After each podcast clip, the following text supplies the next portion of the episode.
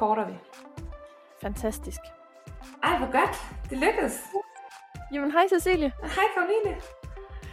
Så er det første episode, vi optager med vores nye udstyr, hvor jeg sidder i Danmark, og du sidder i Norge. Det er så mærkeligt. Jeg synes, jeg savner dig lidt her over for mig. I lige måde. Men, Men vi øh, trods alt godt at have dig på den her måde. Ja, præcis.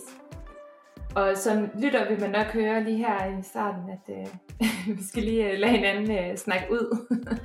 Ja. det kan vi kan ikke øh, fraskrive os, at der kan ske at komme noget snak i munden på hinanden. Nej, men øh, det, må I, det må I tage med. Ja. Men øh, hvordan går det i Norge? Jamen, det går rigtig godt. Øh, der er rigtig god julestemning heroppe. Der har været rigtig, rigtig meget sne øh, den her uge, den forgangne uge. Også rigtig meget snekaos, så det har været sådan lidt sjovt at opleve, fordi jeg troede jo, at, at når man så var i Norge, så var de sådan vant til sne, og så var der ikke så meget snekaos. Men det har faktisk været bagen af sådan lidt ala Danmark på det punkt, fordi de er heller ikke sådan vant til sne i så store mængder. Så det har været lidt ligesom at, at være hjemme i Danmark, hvor det er sådan, wow, der kom sne, og så kører folk rundt på sommerdæk, og bybanen kørte ikke, og det svarer til letbanen i Aarhus. Så alle sådan nogle ting der, der bare går galt, gik galt. Fik du snefri fra arbejde? Nej, desværre. Men øh, brugte jeg meget tid på at komme frem og tilbage, og ja, vi havde lidt, øh, men det havde alle jo, lidt udfordringer. Mm. Øhm, men det har været vildt hyggeligt, fordi altså, nu der sidder jeg jo også og kigger ud her på, på fjellene rundt om byen, og der er stadigvæk sne på toppen og op på bjergene, og generelt sådan det der med, når, når alt det bliver lagt i det der hvide lag, altså det bliver, det, alting bliver bare så meget pænere, og så meget mere hyggeligt at kigge på. Har det hjulpet dig med at komme i julestemning? Ja, rigtig meget. Jeg synes, det har været så hyggeligt. Især fordi der har været sådan nogle dage, hvor du ved, sneen har bare sådan dalet på den der fine, stille, tyste måde. Øhm, og sådan i frostgrader, når man har gået rundt, og så har det været sådan den der gode lyd af frost, og jeg synes, det er så idyllisk, og træerne er sådan dækket i hvidt sne, og altså, ja, ja, der kommer jeg godt nok i julestemning. Mm. Ja, men lige om lidt, så skal du hjem til Danmark og holde jul, og så må jeg nok skuffe dig med, at sådan noget idyllisk sne har vi ikke lige nu. På trods af, at vi har haft lidt sne. Ja, jeg har da haft det, ja, og der har da også været meget sne i Nordjylland. Ja, det er vist det sted, der har været mest. Ja, klassisk, klassisk Nordjylland. Mm. Ja, nej, så kommer vi hjem, og så skal vi sikkert forberede os på sådan en rigtig regnfuld øh, juleaften. så er alt, som det plejer. Ja, ej, der er faktisk bare ret koldt lige nu, altså sådan mange frostgrader, så øhm, jeg synes, altså jeg er lige gået igennem byen, og sådan, du ved, når, når der sådan er helt frostklart, altså når der ikke er skyer på himlen, men blå himmel, og sådan helt koldt Ja, luft, det synes jeg altså også kan noget. Det værste er, når der så bare er vildt skyet og mørkt, som der godt nok også har været mange dage, øhm, så er det ikke nødvendigvis så sjovt, at det er bare koldt. Men øh, jeg synes, den der sådan, når det er frostklart, det Ja. kan altså også et eller andet, på trods af, at der så ikke er sne. det er det bedste. Ja, det Og så er jeg jo også sådan en, der synes, at sne er sådan lidt besværligt. Altså, Åh oh, nej, er du en af dem? ja. Det er det også. Det er lidt besværligt, men øh, jeg, kan godt, øh, jeg kan godt lide det, når det lige når det gør, at alting bliver meget pænere og meget mere lyst, for det er så sindssygt mørkt heroppe. Så det har hjulpet ret meget på humøret, at alting lige blev lysnet lidt op. Mm. Hvor mange timer sol har I om dagen? Eller lys. Dagslys. Ja, jamen, altså, jamen det, er det, altså det har også været sådan noget klart vejr her, så det har hjulpet rigtig meget, men jeg tror, vi er nede på en tre timer eller sådan noget. Det er godt nok ikke meget. Nej, det er frygteligt. Der kommer jo først sol, sådan, eller der, ja, hvis der kommer sol, men der kommer dagslys. Jamen er det måske klokken 10, halv, nej, måske først klokken 11. Det synes jeg er ret vildt. Det er helt vildt. Altså i forhold til, så langt væk er Bergen jo ikke fra, fra Danmark, så synes jeg også, øh, ej jeg kigger lige nu, nu bliver jeg nysgerrig. Det kan være, at jeg sidder og lukker alt muligt bullshit ud nu. Det er også fordi, hvis man, det har jeg i hvert fald taget mig selv i den her uge, altså hvis jeg er meget på arbejde, som jeg har været, så bemærker jeg faktisk ikke nødvendigvis, hvad jeg er udenfor så meget. Øh, hvorimod at så her i går, da det var lørdag, og jeg var hjemme, så var jeg sådan, ej, der er lyst. Altså, solen skinnede sig også, men sådan, jeg fik bare en helt anden oplevelse af dagen på en eller anden måde, hvor at, når jeg er på arbejde, så er det ligesom bare mørkt, når jeg tager på arbejde, og der er mørkt, når jeg tager hjem. Hvor i dag, der, eller i går, der fornemmede jeg bare sådan lyset skiften på en helt anden måde. Og jeg følte sådan, jeg kunne desværre se, at der var mega beskidt hjemme hos mig. Men ja. det havde jeg jo ikke kunne se ellers, fordi at det har været, selvom at man har lys tændt, så gør det jo noget, der kommer dagslys. Og jeg har simpelthen ikke set mit hjem i dagslys i, altså i fem dage, fordi jeg har været så meget på arbejde. Så Ej. det synes jeg bare var sådan, eller bare normalt på arbejde. Altså det er jo, sådan er det bare også, at det, bliver, det når bare ikke at blive lyst, før jeg skal møde ind, og det er mørkt, når jeg skal hjem. Nej, nej, og så lige pludselig, ja, så ser man det, og så er det sådan, wow, hvor jeg har klamt det med. Totalt. Nej, den siger i dag, at øh, der, vil stolen, eller der stod solen op øh, 9.42, og så gik den ned 15.29. Det er godt nok også sent, den står op hos jer. Ja, det, det er mest det, ikke? Fordi man er vant til, at den går ned øh, halv fire, eller sådan. Det, det er altså også omkring, den gør det hos os. Der begynder der at blive skumringstid her. Ja, præcis. Det synes jeg også, det er, sådan, det, det er jeg vant til. Men, men det der med den første op der, kvart i ti, det er godt nok hæftigt. Mm. Ja, nå, men Karoline, det er jo en perfekt intro til den her roman. Har du lagt mærke ja, til det? Ja, det er faktisk. Det er faktisk. vi går direkte, vi går direkte på hver, øh, hver snakken. Vi vil få en kæmpe bøde, hvis vi levede i det her øh, fremtids øh, samfund. Ja, og lad os lige først løfte for, hvad for en roman det er, vi har læst til dagens afsnit. Og det er Anna Jules Penge og Bacon, som udkom tidligere i år. Og faktisk udgiver Anna Jul i midten af januar næste år en uh, ny roman.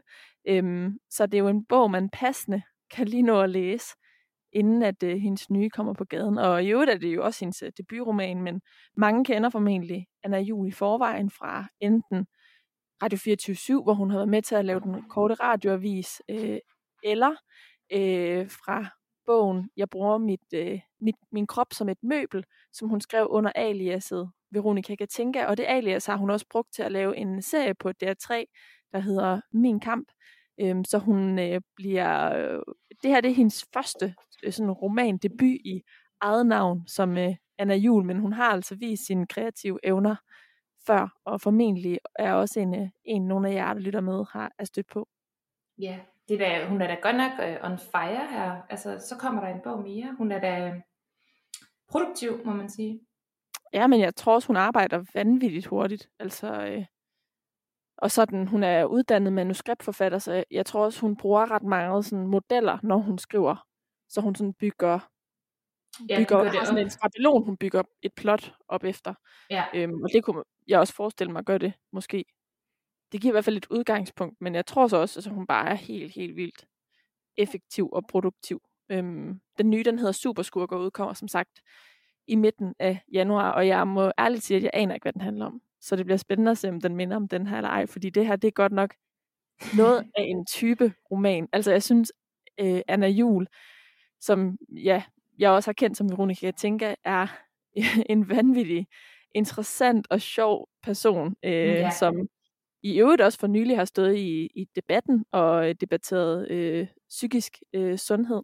Nå, okay. Øhm, så hun, øh, hun har sådan vildt mange forskellige roller at kunne indtage, og det er noget af det, jeg synes gør hende vildt interessant, fordi hun virkelig også kan ja, være super, super skarp, og samtidig bare vanvittigt selvironisk og komisk. Øhm, Men kloge, jeg synes, altså, at... kloge mennesker er jo, altså sjove mennesker er kloge mennesker. Altså, jeg synes ikke, man kan næsten ikke være satirisk, uden at være ret intelligent. Sådan oplever jeg det ofte. Det kommer an på, hvor dygtig en satiriker man er. Men jeg synes, at Anna Jul er ret dygtig, og det er vildt befriende, at vi har sådan en kvinde i Danmark. Altså, vi har simpelthen for få, tænkte jeg, da jeg læste den her ja. bog. Der, der, altså, for få kvinder, der skriver sådan her. Det synes jeg er vildt uh, sejt, fordi at det er jo en, en, en satirisk roman, vi har med at gøre. Ja, Ja, hvad kalder vi den her genre, Penge og Bacon? Det er en, både en satirisk roman, og så er det vel også... Øhm, men det er jo ikke det er også en dystopi. Ja, præcis. Det er en dystopi, og det er, det er jo ikke en sci-fi, men altså, det er jo et, et form for fremtidsbillede, selvom der er mange nutidige referencer. Så hvad, altså, fordi på en måde så er den jo, så synes jeg, når man læser det, så tænker man, at vi er i nutid, fordi der er så mange øh,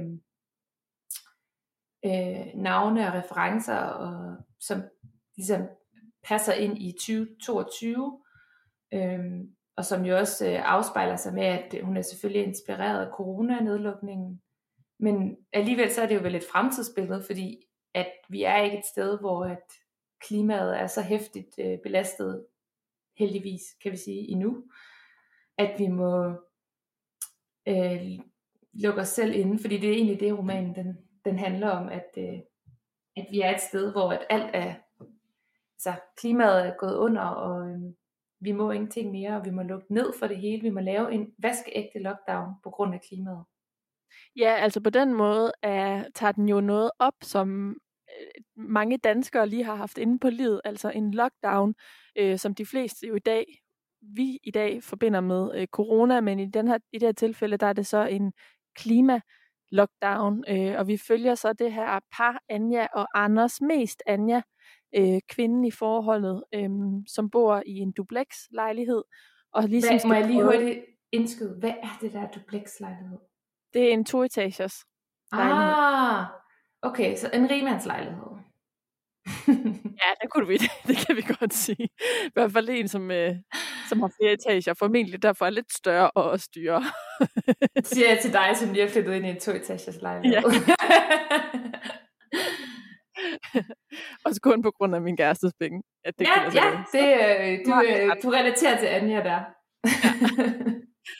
Men, øhm, men vi følger så det her øh, parforhold øhm, under lockdownen, og øhm, der hvor at, øh, det bliver udfordret, det er ved, at øhm, Anja hun også har nogle mentale problemer, eller hun kæmper i hvert fald med noget rent mentalt, øhm, som er, at hun begynder at høre stemmer, og det bliver sådan lidt egentlig som læser svært at skælne om de yeah. der stemmer, hun hører, om de er rigtige, eller om ikke rigtige. Øhm, så så, og stemmerne, og, det er jo, det er jo Pinge og Bacon, som er navnet på romanen, men som også er navnet på hendes to vandrende pinde. Lige præcis. Og de begynder altså at komme med nogle historier om, hvordan øh, for eksempel, at Anders vil gøre skade på Anja, og det udfordrer naturligvis deres forhold yderligere, udover at de er lukket inde i en øh, lejlighed og ikke må gå ud. Ja, Bacon er jo, altså Bacon er den øh, klare overbevisning, at øh, Anders vil myrde hende. Øh, så det er jo faktisk et, øh, et, øh, mere sådan øh, ja, krimiplot, der på en måde sådan kommer snigende ind i romanen, efter at det er, ikke, det er ikke det, der har været sådan fyldt i starten. Der er det ikke så meget det her med, med at han vil myrde hende, men der er det jo mere det her, alle hendes tanker om at være i den her mærkelige lockdown, men også hendes tanker om at have, være i det parforhold, som de er i, og øh, mit indtryk i hvert fald, når jeg læser den fra starten af, det er, at den er ekstremt sådan, sjov og humoristisk, men også sådan meget godt, hun giver et meget godt billede på sådan et meget kedeligt parforhold, hvor man ikke rigtig har noget at snakke om at gå op i. Og Anjas største hobby er jo at købe ting på nettet.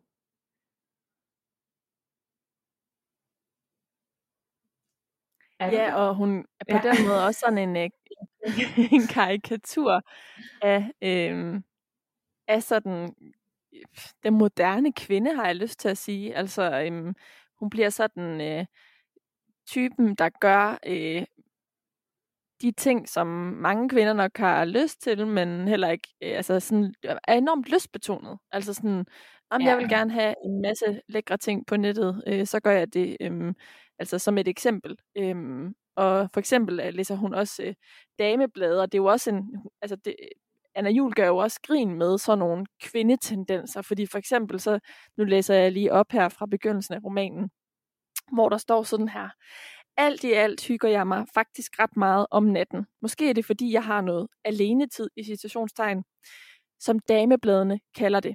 Jeg læser mange dameblade, og de siger alle sammen, at det er vigtigt at have alenetid, fordi det er vigtigt at huske at pleje sig selv. Derfor kan jeg godt finde på at tage ansigtsmaske på om natten, så render jeg rundt og ligner Hannibal Lecter i kø- køkkenalrummet, og når han så vågner næste morgen, så har jeg et silkeblødt ansigt, der er perfekt til at blive taget bagfra. Han er så Anders hendes øh, kæreste, og øh, det er jo bare øh, ja, det fortæller jo noget om, hvordan at Anja også er en kvinde, der ukritisk tager det, som eksempelvis damebladene skriver til sig. Præcis. Ja, hun er meget... Øhm... Jamen, hun, hun lever jo på overfladen, ikke? Altså, også, som du siger, meget lystbetonet. Hun gør det, der gør hende glad. Og det er lidt som om, hun har en idé om, at livet burde eller bør måske rumme et lidt dybere lag, eller lidt mere, for hun, for i hvert fald som jeg siger, så er mit indtryk, at hun keder sig. De har kedelige samtaler, hende og Anders, og de har kedelige samtaler med Anders' venner. Øh, men hun køber meget ind på, at det sådan nok er det liv, man, der er et godt liv. Øh, og hun er også en kvindetype, altså øh, Anna Jul gør øh, også lidt grin med den type i forhold til det der med, at, at hun øh, så at sige bliver reddet lidt af en mand, fordi hendes liv sejler jo lidt før hun møder Anders, i hvert fald sådan økonomisk, og øh, ja, hun er måske sådan lidt en ensom, flagtende sjæl, og så får, så får hun den der kæreste, og så køber han jo en lejlighed til dem. Han, hun lever af hans penge, hun køber alle de der ting, som godt vil have for hans penge. Og hun får ovenikøbet også hans venner, altså hans venner bliver hendes venner. Så hun køber fuldstændig ind på, øh, altså, eller han giver hende indhold i livet. Og det tænker jeg også er sådan lidt en øh, spids kommentar til, til nogen, øh, som på den måde ligesom lader sig fuldkommen rive med ind i sådan et forhold, og så øh, ikke rigtig har noget selv tilbage, som var deres eget. Jo, hendes vandrende pinde. mm, ja, jeg får lige lyst til at læse videre øh, fra det her sted, fordi der står faktisk noget omkring det her med at være om hun er feminist eller ej, som er det, du sådan lidt spurgte ind på her, ved at sige det der, føler jeg. Ja. Øh, det lyder sådan her. Øhm, ikke dermed sagt, at jeg gør det for ham, for det gør jeg bestemt ikke. Damebladene er nemlig også begyndt at sige, at det er vigtigt, at kvinder er feminister. Så det er jeg selvfølgelig også, altså feminist. Og derfor gør jeg kun det med ansigtsmasken for mig selv, selvom det er en belejlig sideeffekt, at han synes, at jeg er tiltrækkende, når jeg har et blødt ansigt. Jeg elsker nemlig at bolle, hvilket jeg også har hørt, er et tegn på feminisme. At man ikke har noget problem med at sige, at man elsker at bolle, så står der i versaler, jeg elsker at bolle. så hun er jo sådan, altså, hun, hun bliver jo bare sådan en, øhm, det bliver helt absurd sådan, hvordan hun forholder sig til det, der yeah. for eksempel står i damebladene. Og samtidig så er det jo også helt tydeligt, hvordan Anna Jul prøver at tegne en karikatur og gøre grin med det her, fordi at hun jo netop går så ud af en eller anden øh, linje ved at øh, få hende til at øh, elske øh, det her sex. Altså. Mm. Helt klart. Øh, ja, altså generelt set er det jo også en karikatur på meget af det, vi oplever og ser på Instagram, tænker jeg. Altså tænker jeg i hvert fald på, da jeg læste den. Altså det der med, at, at, at det går hen og bliver ens hobby at shop for eksempel, eller det går hen og bliver ens hobby at købe sig til et bedre liv, eller få interesser, man ser på Instagram, som gør, at man så har indhold i sit liv. Øhm, som, for, som kan være spændende og inspirerende. Vi er jo selv på Instagram med vores podcast, så det er jo heller ikke sådan, fordi man skal jo, der er jo mange forskellige typer af indhold øh, derude. Men øh, jeg, jeg tænker i hvert fald, at det er lidt det der sådan liv, hvor man bare sådan bladrer igennem alt muligt og så køber man sig til det, og så tror man, at det giver en en værdi, eller det giver noget godt igen. Og, det, og et eller andet sted, altså, det er jo heller ikke, fordi jeg skal sidde sådan og bash mod det, fordi, øh, og det ved jeg heller ikke, at man er jul nødvendigvis gør, men det er sådan, det giver jo også rigtig meget glæde for rigtig mange mennesker, øh, at købe noget nyt for eksempel, eller og, og på den måde ligesom smage på det her lystbetonede liv. Så det, det er jo heller ikke sådan, fordi det nødvendigvis kun er negativt.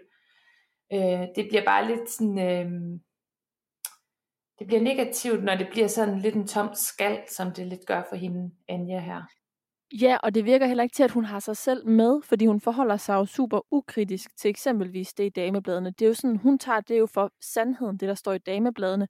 Så hvis der står, at man skal være feminist, eller man skal have alenetid, så er det det, hun skal. I stedet for sådan at sige alenetid, hvad er det for noget? Og for eksempel kan man også sige, at den alenetid, hun får ved lockdown, er jo sådan for voldsom. Altså ja. den der lockdown bliver jo også sådan uh, the tipping point for det her parforhold. Altså det der med, at de bliver tvunget til at være så meget alene, og de sidder også meget hver for sig i forskellige rum.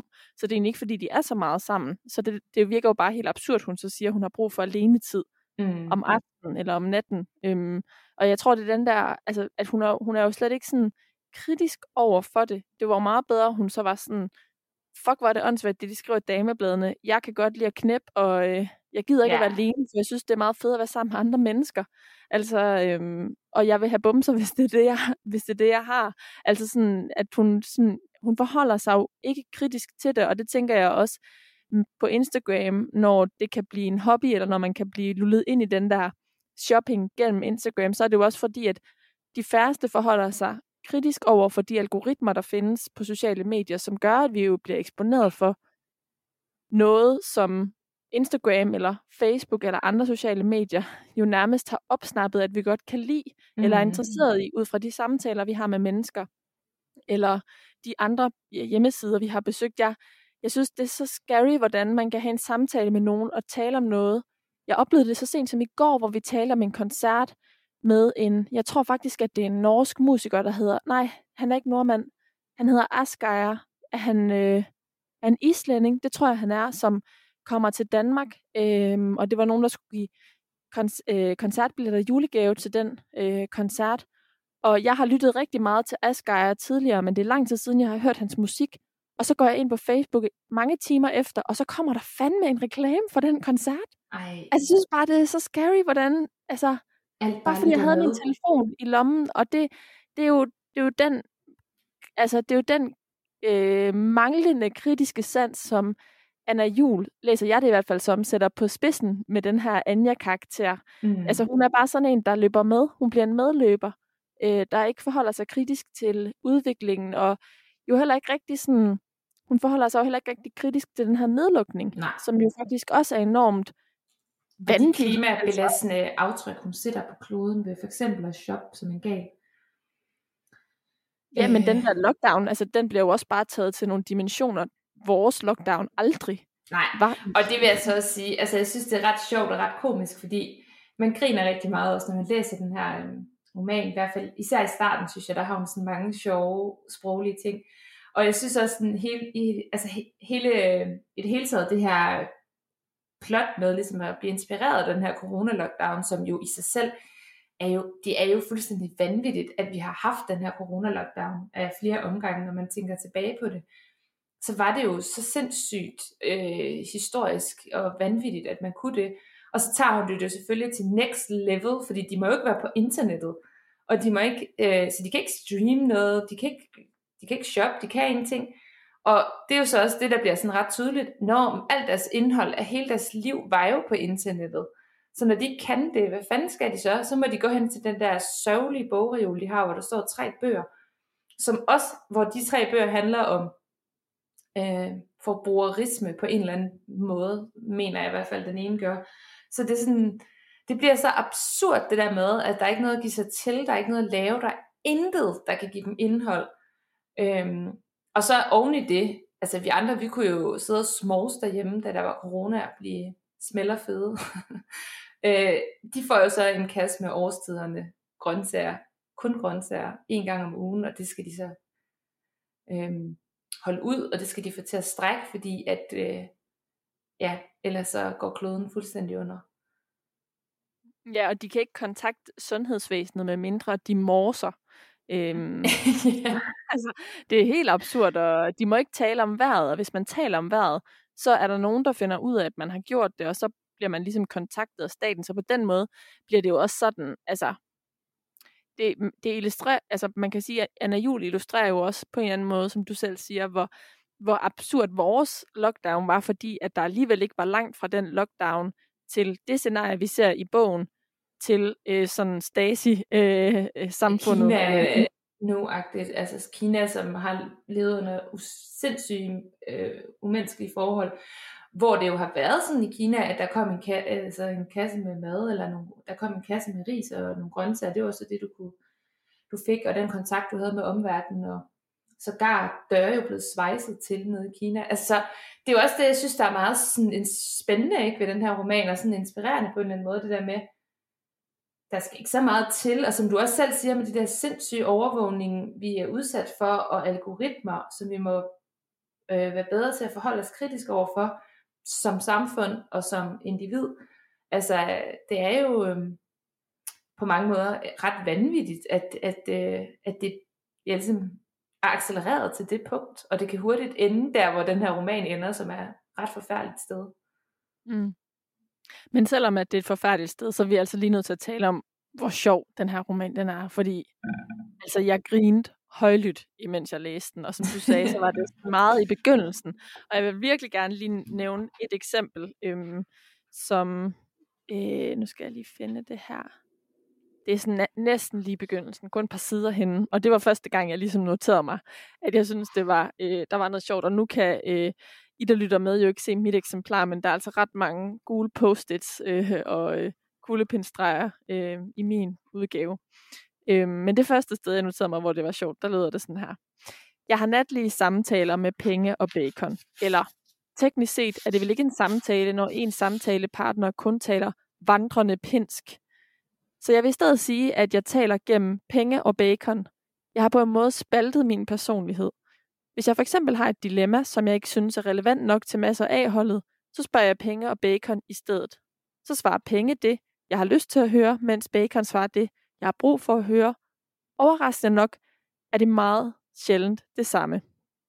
og jeg synes bare, det der med vandrende pinsk. Ja, det er så sjovt. Det er bare genialt. Og så synes jeg også sådan, det der med, at hun for eksempel tager sådan noget som masser af holdet, sådan en, sådan en reference ja. ind i bogen, gør jo også, at hun ligesom illustrerer den der, altså, hun, hun, hun tager så meget fra, fra vores verden med ind i det fiktive univers, at det bliver så realistisk nogle gange, og samtidig så kommer det jo totalt over og illustrerer, hvor kort der er fra der, hvor vi er nu, til den her fiktive og ret absurde verden, som vi kan læse om.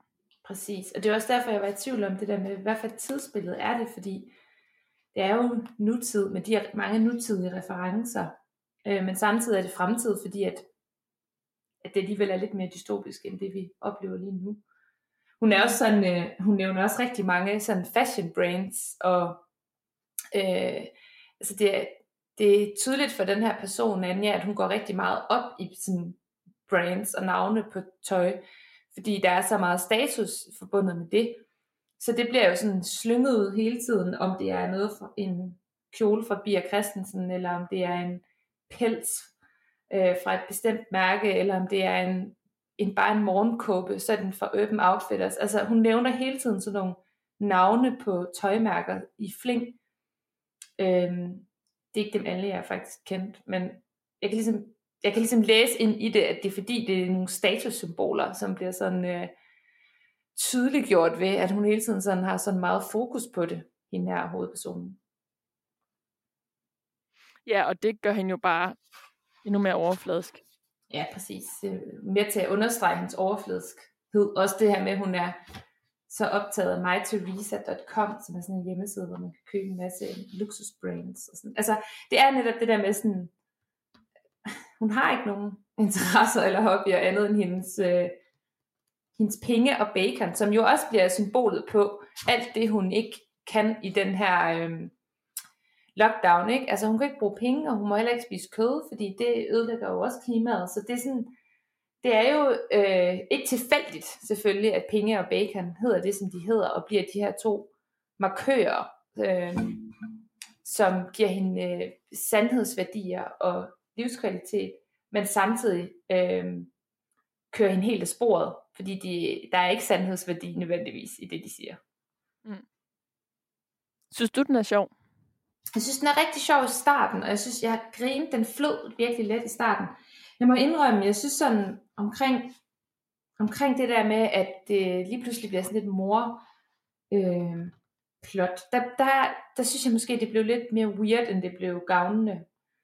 Øh, men jeg kan måske, ja, jeg ved det ikke. Altså på den anden side kan jeg også godt se, det er egentlig meget sådan, det er jo meget sådan øh, fint ting i forhold til det her med den her overdrevne øh,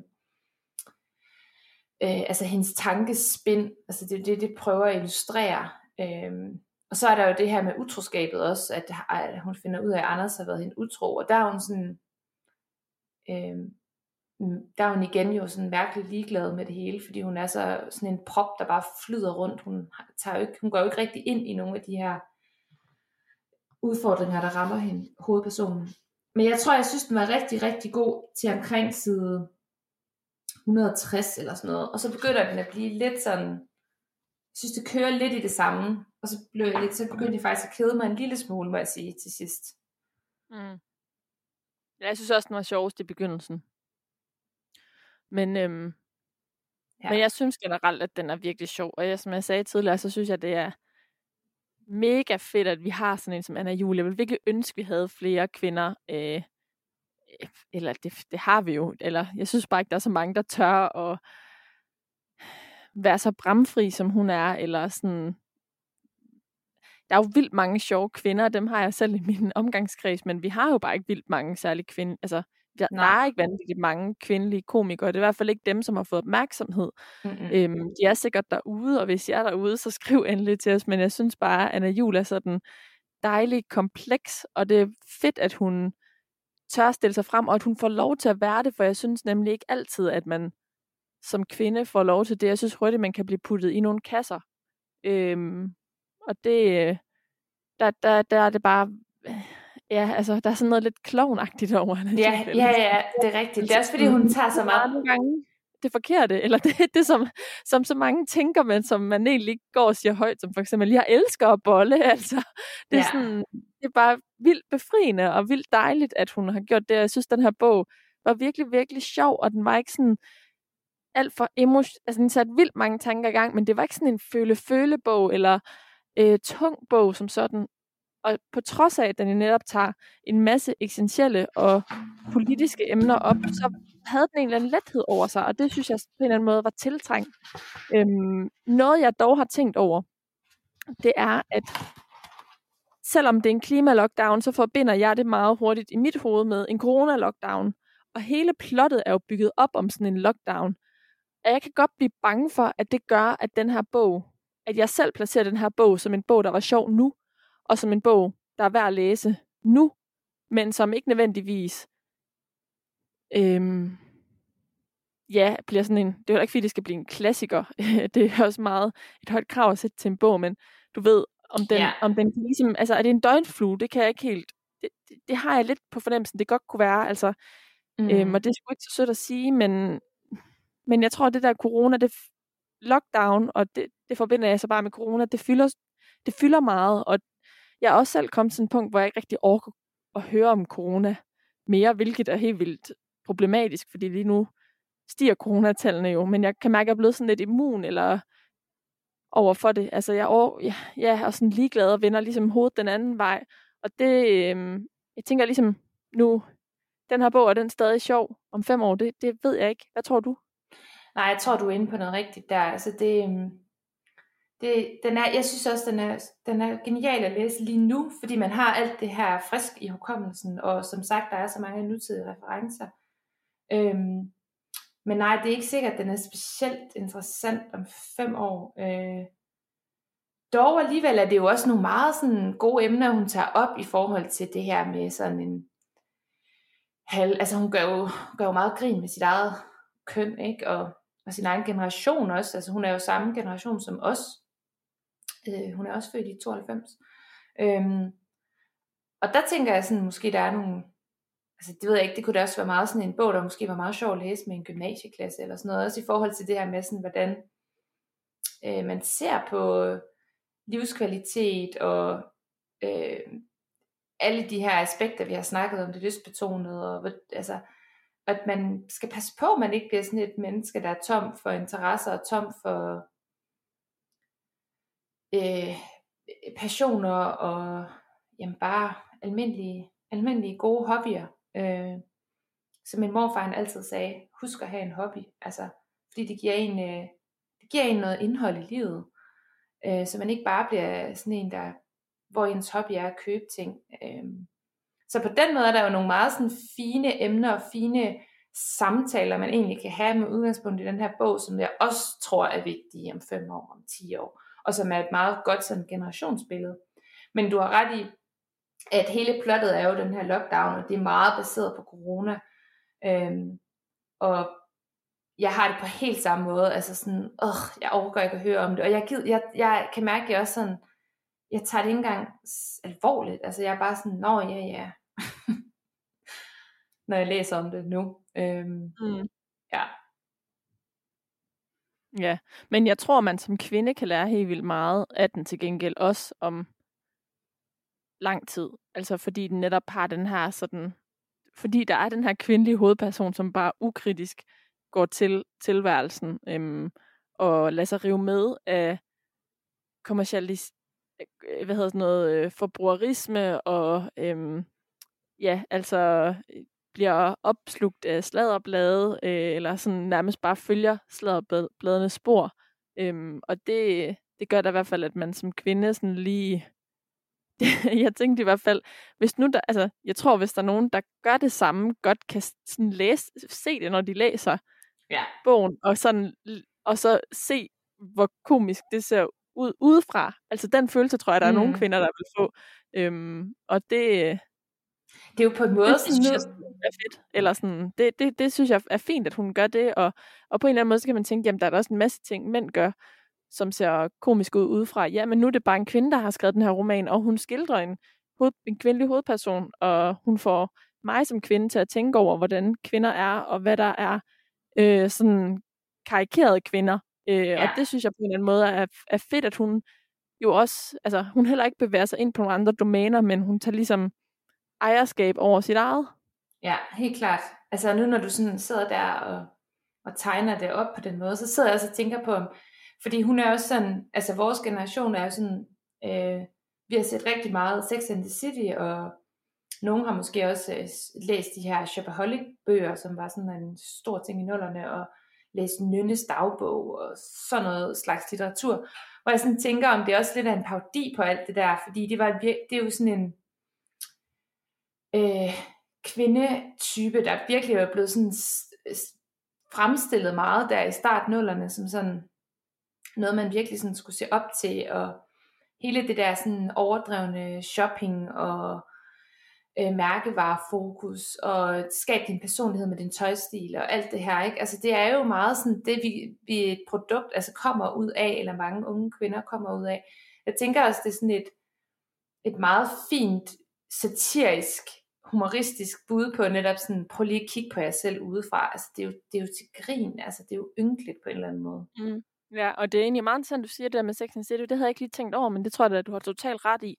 Altså, det er jo sådan en, øhm, ja, sådan en, øh, det er jo bare blevet en fortælling om kvinden som øh, sexobjekt og, øh, og, og shopaholic. Altså, øhm, og samtidig også vil jeg så også hæve, at det er en serie om venskaber, og altså, der er vildt mange gode ting ved den serie også, men, men det er rigtigt, at den sådan er blevet en eller anden altså sådan stereotypisk kvindebillede i nullerne, øhm, og også op igennem tierne, øhm, om hvordan du ligesom skal udfolde dig korrekt som kvinde. Ja, netop. Og så lidt taget over med Instagram, ikke? Så, så på den måde peger hun rigtig fint ind i nogle af de her øhm, tendenser, eller nogle af de her billeder, vi sådan dyrker af, af kvinder og af hinanden. Mm. Så det synes jeg egentlig er meget sjovt. Øhm, ja, altså jeg vil helt klart anbefale folk at læse den, og den er også rigtig hurtigt læst, vil jeg sige. Altså det er jo ikke sådan en tung en at komme igennem. Det er jo en, en sjov bog at læse. Det, på den måde er det en hyggelig bog. Jeg vil også sige, nu udkommer vi lige op til jul. Altså det der er en meget god sådan en øh, øh, juleferiebog. Fordi man, Ja, og et meget godt budskab også op til julen. Ja, ja, helt sikkert. Altså, og sådan, både der er sådan noget, du kan reflektere lidt over og tænke lidt over, både i forhold til kvinderollen, men også i forhold til klima og parforhold. Der er egentlig mere, mange emner, du sådan kan sidde og hygge dig lidt med derhjemme, men du kan også, du kan også læse den som et, et godt underholdnings øh, input til en juleferie, der sikkert ellers er spækket med en masse underholdning. Ja, eller klaustrofobi, hvis du bare ikke kan holde ud at være sammen med din familie. Og så kan man læse uh, Penge og Bacon og se, at der er nogen, der føler større klaustrofobi. Har det endnu værre. Altså jeg vil så også lige sige her på den afsluttende note, shit mand Karoline, hvis man bare i den der lockdown, som de er udsat for med sin partner, jeg ved fandme heller ikke, altså jeg tror også, jeg var blevet sindssyg. Så lad os krydse fingre for øh, dig og øh, Anders, din kæreste, for at det Ja. sker. Jamen, jeg ved da slet ikke, hvor jeg havde, øh, hvem jeg var begyndt at snakke med. Altså, jeg tænker bare, altså du har intet, du kan lave, og du, du altså sådan, den glæde, man har, altså det er jo, og det er jo det, der er så fint med den her bog, for nu kommer jeg jo selv til at tænke over mit eget liv, og hvad for en glæder jeg har i mit liv. Blandt andet at købe rigtig lækker dyr mad, øhm, og nyde at lave gode middage og sådan noget, ikke? Altså, hvis jeg ikke kunne det, hvis jeg bare skulle spise agurk hver dag, altså jeg tror simpelthen, jeg vil, ja, jeg vil virkelig have det svært. Mm. Ja. Og hvis du, der lytter med, er blevet nysgerrig på, hvor svært det egentlig har det, hvis ikke vi har udpenslet det nok, så, øhm, så kan du læse Penge og Bacon. Jeg har i hvert fald læst den med øh, stor fornøjelse. Den er øh, hurtigt læst, og øhm, om den er svært fordøjelig, eller det modsatte, det, øhm, det må tiden vise. Ja. Yeah. Og så øh, ønsker vi vel også god jul herfra, og håber alle får en dejlig, øh, skøn overforbrugs øh, jul, fyldt med øh, alt muligt, I slet ikke har brug for derude. Øh, Ande, steg og Håber en sovs. masse bøger. Ja. Lad os bede til, at der ligger en masse gode bøger under juletræet. Det er jo Ja. den bedste gave, man kan give. De hårde firkantede slagsen er de bedste. Giver du bøger til alle dem, øh, du giver ga- er på Nej, det gaver har med? jeg faktisk ikke i år, men det har jeg gjort i rigtig mange år. Men øh, jeg, øh, jeg arbejder jo også med bøger til hverdag, så jeg har øh, i år, særligt i år, har jeg virkelig haft bøger på hjernen i sådan en, en faktisk næsten lidt for meget. så jeg har sådan brug for at holde det nogle gange lidt adskilt fra mit privatliv. Ja, det er og også fair så, øh, jeg har købt en kogebog. Det er den eneste bog, jeg har købt faktisk. Nej, vent. Jeg, ej, der er to bøger, er kommet med. Men, øh, men tidligere, altså var det kun bøger. Og ønskede jeg mig nærmest sig selv kun bøger. Ja. Ja, men det er fair nok. Det kan jo blive for meget, og alt for alt omsluttende, det kender vi alle. Mm. Vi ja. er tilbage på den anden side af det nye år. Det glæder vi os til. Det er vi. Øhm, hvis du, der lytter med, har en idé til, hvad vi skal læse i det nye år, så skriv endelig til os på øh, vores Instagram. Den hedder øh, Do You Read Me? Find os derinde og send os en besked og meld ind med, hvilken slags bog vi skal læse. Det skal jo være af en kvinde. Det er vores storme her i øh, podcasten Do You Read Me? Men hvis du har en idé til, hvem vi skal læse, så send det endelig. Der er masser af uger, vi kan tage øh, og lægge de bøger ind i i næste år, så det vil kun være dejligt øh, at høre fra jer. Du har lyttet til Do You Read Me, og jeg hedder Cecilie. Og jeg hedder Karoline.